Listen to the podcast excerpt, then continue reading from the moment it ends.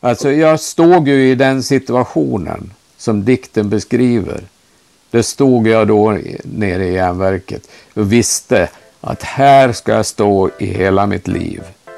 Jag stod sex år vid samma maskin, gjorde samma handtag hela tiden, om och om och om igen. Jag kunde göra till sömnen. Och det visste jag att det skulle jag stå hela livet.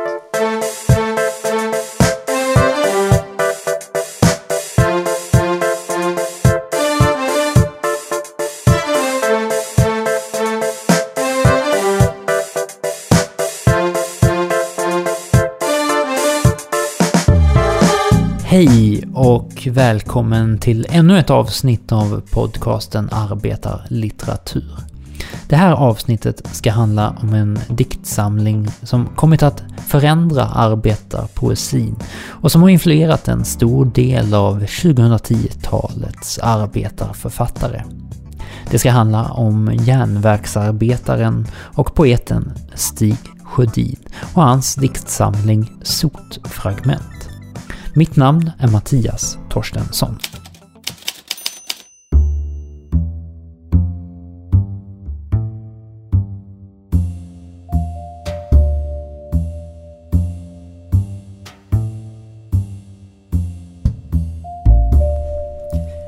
Stig Sjödins diktsamling Sotfragment utkommer 1949. Andra världskriget är över Sverige har klarat sig undan kriget och därmed är tillverkningsindustrin intakt. Sverige får ett försprång gentemot andra länder när samhällen nu ska byggas upp på nytt. Det börjar produceras. Allt fler får arbete inom en industri som blomstrar. Hjulen snurrar och de ekonomiskt goda åren har inletts. Stig Sjödin har arbetat på järnverket i Sandviken i tio år. Han har skrivit två modernistiska diktsamlingar men inte fått något större genomslag. Nu tar han sina erfarenheter från järnverket och placerar dem i en diktsamling. För första gången skildrar en poet moderna industriarbetare i sin poesi. Om man jämför de första två diktsamlingarna eh, som han gav ut och eh, Sotfragment så är det ju en väldigt stor skillnad. Bernt Olof Andersson är författare och vän till Stig Sjödin. Sotfragment är ju väldigt realistisk liksom och så. Medan eh, de första diktsamlingarna de var ju eh, oerhört modernistiska och sådär. Det var ju liksom eh, Erik Lindegren och sådana idoler han hade på den tiden. Finlandssvenska modernisterna liksom som, som betydde någonting. Men i Sotfragment så fick han ju sitt alldeles egna språk. För att det var ju ingen före honom som hade gestaltat moderna arbetare i poesin. En som forskat på Stig Sjödins författarskap är litteraturvetaren Magnus Nilsson. Magnus menar att Stig Sjödin förnyade arbetarlitteraturen genom att vända blicken mot industriarbetet. 30-talets arbetarlitteratur hade främst fokuserat på lantarbete och urbanisering. Men i sotfragment var det alltså industriarbetaren som stod i centrum. Men enligt Magnus förnyade Stig Sjödin arbetarlitteraturen på ytterligare två sätt. Han eh, vänder också blicken lite grann inåt mot eh, eh, de själsliga utmaningar eh, som man möter i, i arbetslivet, i folkhemmet. Eh, det hade man nog gjort för också, men det blev liksom väldigt tydligt i, i, i sotfragment att det är, att det är inre eh, förhållningssätt till den yttre verkligheten som, som står i centrum. Och sen så var han också inspirerad av Eh, den modernistiska lyriken. Han hörde ju till den här gruppen 40-talister som eh, revolutionerade formspråket i den svenska lyriken under framförallt senare delen av, av 40-talet. Eh, så att han var som en formell och tematisk förnyare. Sotfragment består av två delar. I den första berättar ett diktjag om sina erfarenheter av att arbeta i järnverket. Den andra delen består av porträtt av människotyper, mestadels arbetare i brukssamhället. Rasmus Landström är litteraturkritiker och den andra delen av Sotfragment är en av hans absoluta favoriter. Ja, men det, det är ju ett, det är ett slags vad ska man säga, mikroporträtt av arbetare där uppe i Sandviken. Ehm, eh, som han skriver. Och det är liksom eh, typer som han försöker fånga, men de är, så, de är liksom på samma gång väldigt så här inkännande eh, och ser de här olika människorna verkligen, samtidigt som det verkligen är typer som han beskriver. Han beskriver en klassresenär till exempel som, eh, på ett sätt som, eh, som eh, jag, jag har aldrig läst någon något så skarp, en så skarp beskrivning av liksom hur smärtsam klass, klassresan ska, kan vara, eh, som i den dikten. Med sparsamhet och övertid drog han fram tre pojkar till studenten.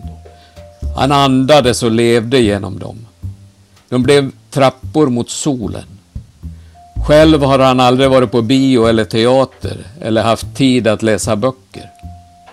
Det har lyckats och kommer hem till helgerna och talar med främmande röster om dessa ting. Deras kvinnor har kalla ögon och föraktar honom när han äter med kniv. Han ska aldrig förstå vem som murat hans ensamhet.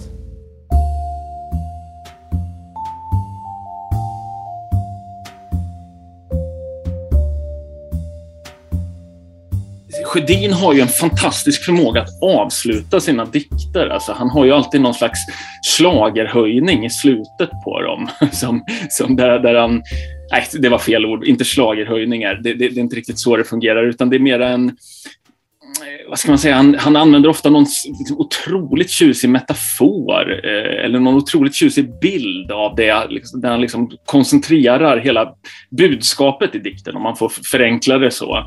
Och, och så. Det no, det, han ska aldrig förstå vem som har murat hans ensamhet. Jag tycker det är, eh, ja, men det är stor poesi, alltså hur han koncentrerar dikten i de två raderna.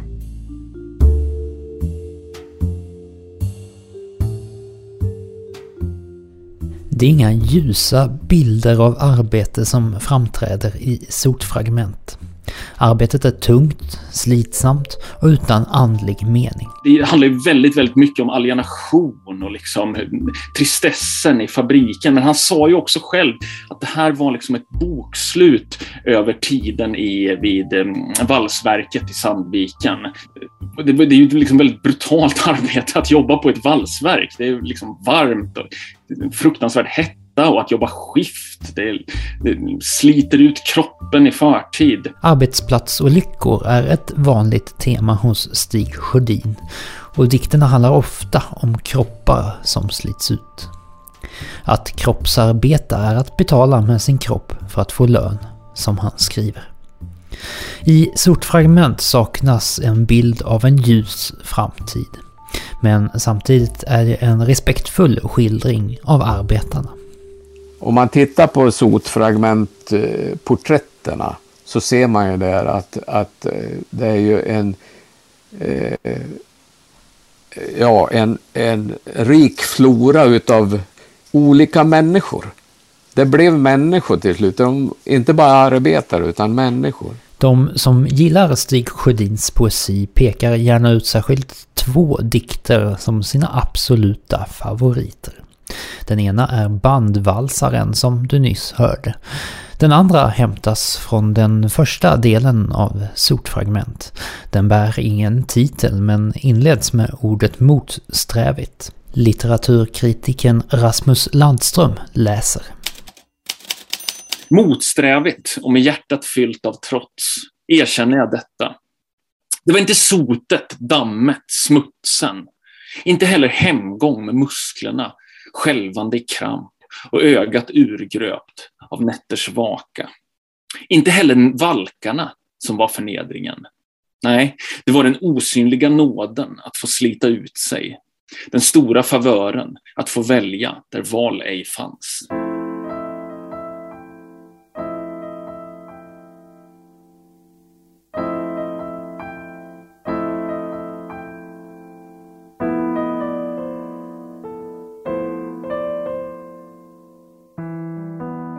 När Bernt Olof Andersson första gången läser den här dikten sitter han på ett utedass hos sin svärfar. Svärfadern gillar att läsa och på utedasset har han en bokhylla. Där står Sjödins dikter. Och där satt jag och läste och hittade den där dikten och den slog in i mitt bröst direkt. För jag kände allt det där. Alltså jag stod ju i den situationen som dikten beskriver. Det stod jag då nere i järnverket och visste att här ska jag stå i hela mitt liv. Jag stod sex år vid samma maskin, gjorde samma handtag hela tiden, om och om och om igen. Jag kunde göra till sömnen. Och det visste jag att det skulle jag stå hela livet. När Rasmus Landström första gången läser Stig Sjödin är det just dikten Motsträvigt han kommer i kontakt med. Han har bakom sig en period där han läst mycket politisk teori och marxism. Men så läste jag den här dikten och så, kom jag, liksom, så kände jag så här att herregud, det här är ju en perfekt gestaltning av vad alienation i arbetet är.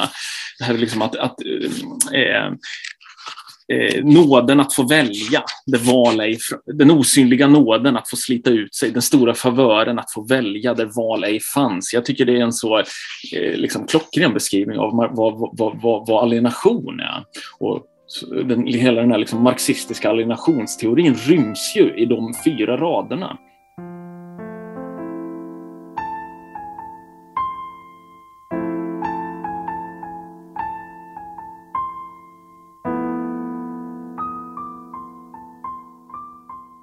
Stig Sjödin föddes i en arbetarfamilj i bruksorten Sandviken 1917.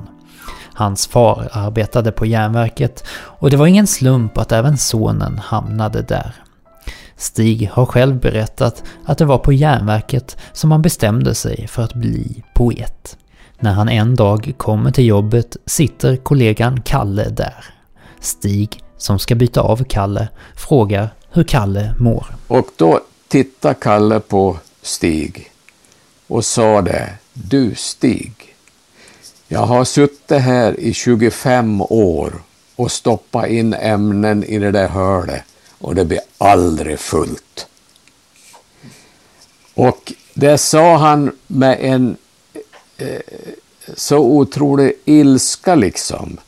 Så att eh, Stig förstod att eh, han han, han beskrev min framtid 25 år framåt.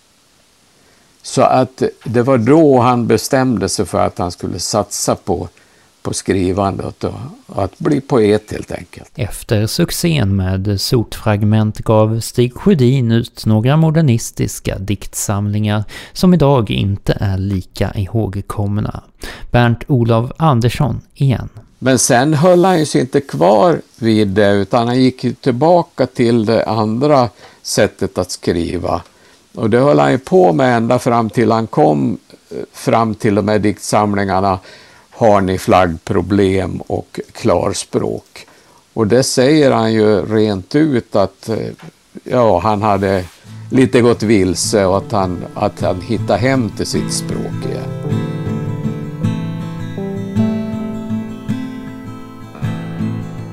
Under 70-talet tar poesin en ny enkel vändning. Modernismen hade tidigare årtionden fyllt poesin med avancerande bildspråk och kunde uppfattas som svårtillgänglig. Nu kom motreaktionen. Med den nyenkla poesin skulle vardagliga händelser skildras på ett språk som alla kunde förstå. Det är nu som Stig Sjödin hittar tillbaka till sitt språk. Han utkommer med diktsamlingar som Har ni flaggproblem, Klarspråk och Livets starka smak. Diktsamlingar som kommit att stå i skuggan av sotfragment, men som Rasmus Landström anser borde få mer uppmärksamhet. Det man skulle kunna säga är väl att de kombinerar en folklighet, eh, liksom väldigt, väldigt eh,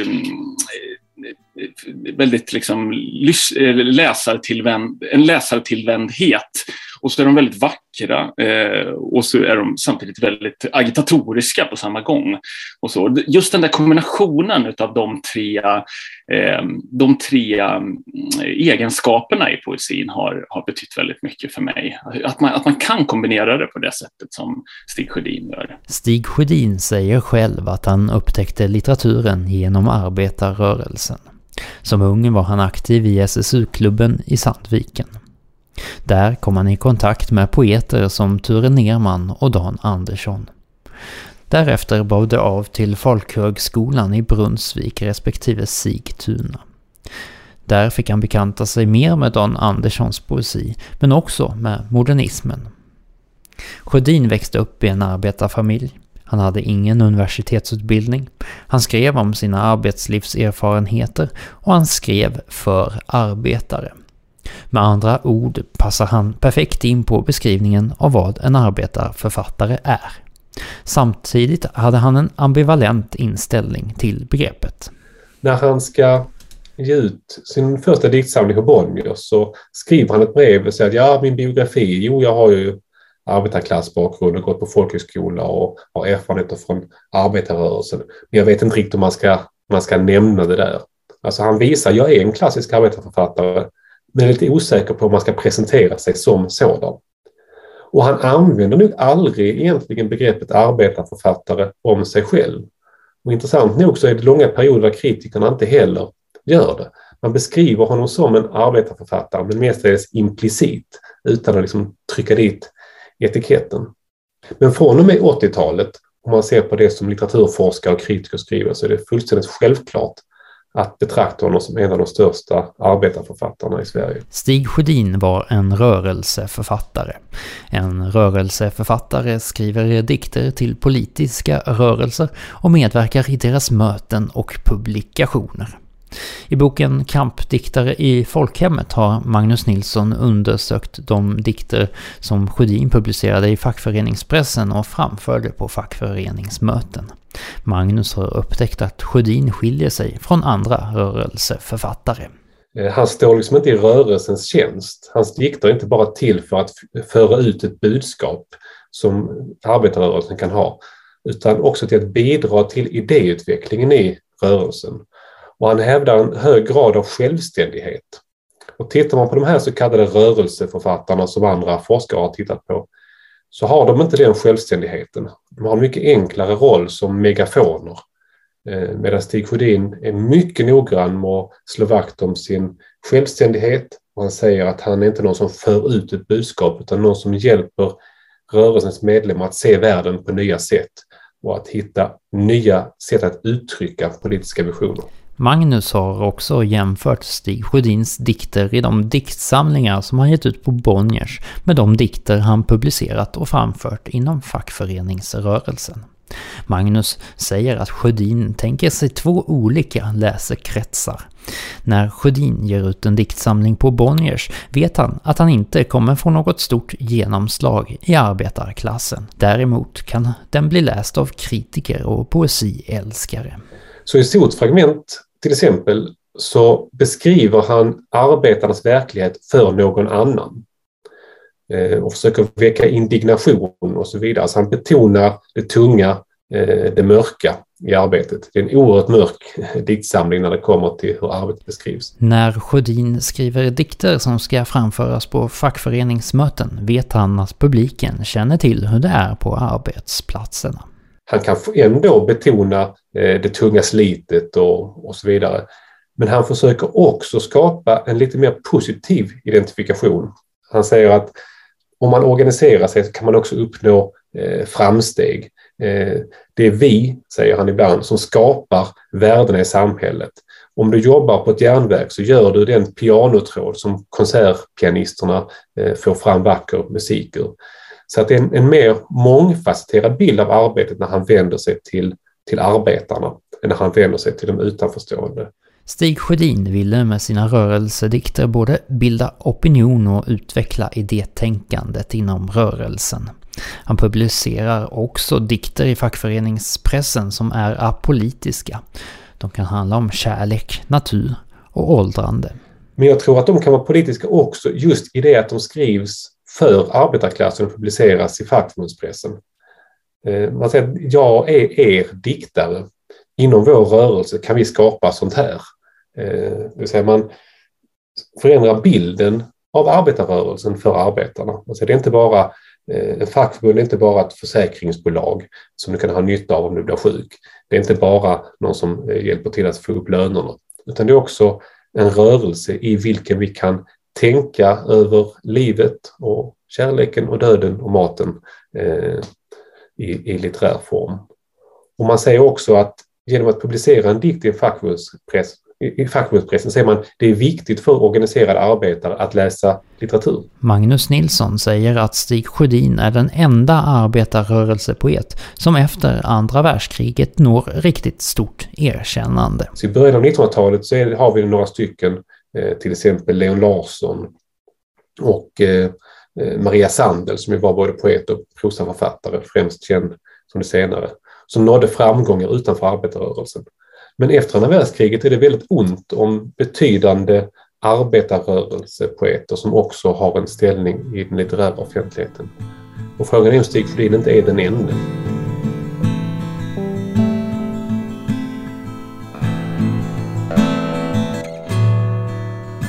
Enligt Rasmus Landström handlar Sjödins dikter ofta om klasskamp, men på ett alldeles eget vis. Det är liksom inte den här heroiska klasskampen utan det är mera klasskampens arbetsmyror som lyfts fram.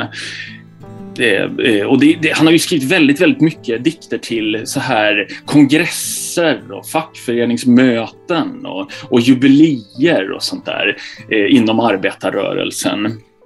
Eh, och så. Och, och, det är hela tiden, han har liksom en väldigt, eh, det är en väldigt, väldigt rak eh, linje, en rak ideologisk linje genom hans författarskap. Han är väldigt, han har det här, han har den liksom underliggande marxismen genom hela författarskapet och så samtidigt eh, så, är han, liksom, så betonar han liksom demokratiska och så. Och det här tycker jag skulle kunna Alltså, jag tycker att en ung generation socialister idag som, som kanske har liksom vuxit upp med typ så Bernie Sanders och Jeremy Corbyn, eller för all del kanske att man har blivit liksom radikaliserad av Håkan Juholts inträde i politiken, eh, att den generationen socialister borde, borde ta Stig Sjödin till sig som sin hovpoet. Idag är Stig Sjödin en viktig inspirationskälla för många poeter. Till exempel så är det uppenbart att Göran Greider eh, har, är väldigt inspirerad av Stig Sjödin. Hans, hela hans författarskap är liksom stiget direkt ur Sjödins 70-talslyrik, skulle jag säga. Eh, och det finns ju många andra författare som direkt har sagt att de är är inspirerad utav Sjödin. Till exempel Johan Jönsson då, som hänvisar till honom i flera diktsamlingar och som också i den här boken, jag tror att det är efter arbetsschema eller möjligen livdikt, där han har också ett slags sån här mikroporträtt utav olika arbetartyper. Och, så. och även Jenny Wrangborg, då, hon har ju liksom travesterat honom i, i flera dikter och så och pratat i radio om att hon, är, att hon har inspirerats mycket av hans poesi. Så, så en inte obetydlig del av arbetarförfattarna har nog läst honom och tagit honom till sig.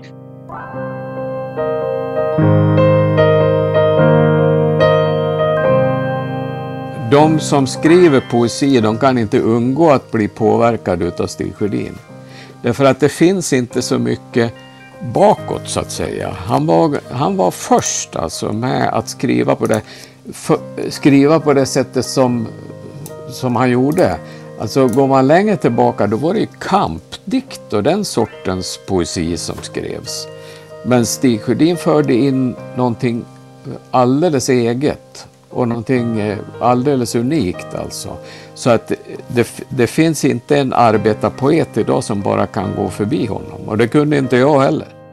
Han, är liksom, han är en av våra verkligt stora poeter skulle jag säga. Alltså i, verkligen så här i klass med ja, men Gunnar Ekelöf eller något sånt.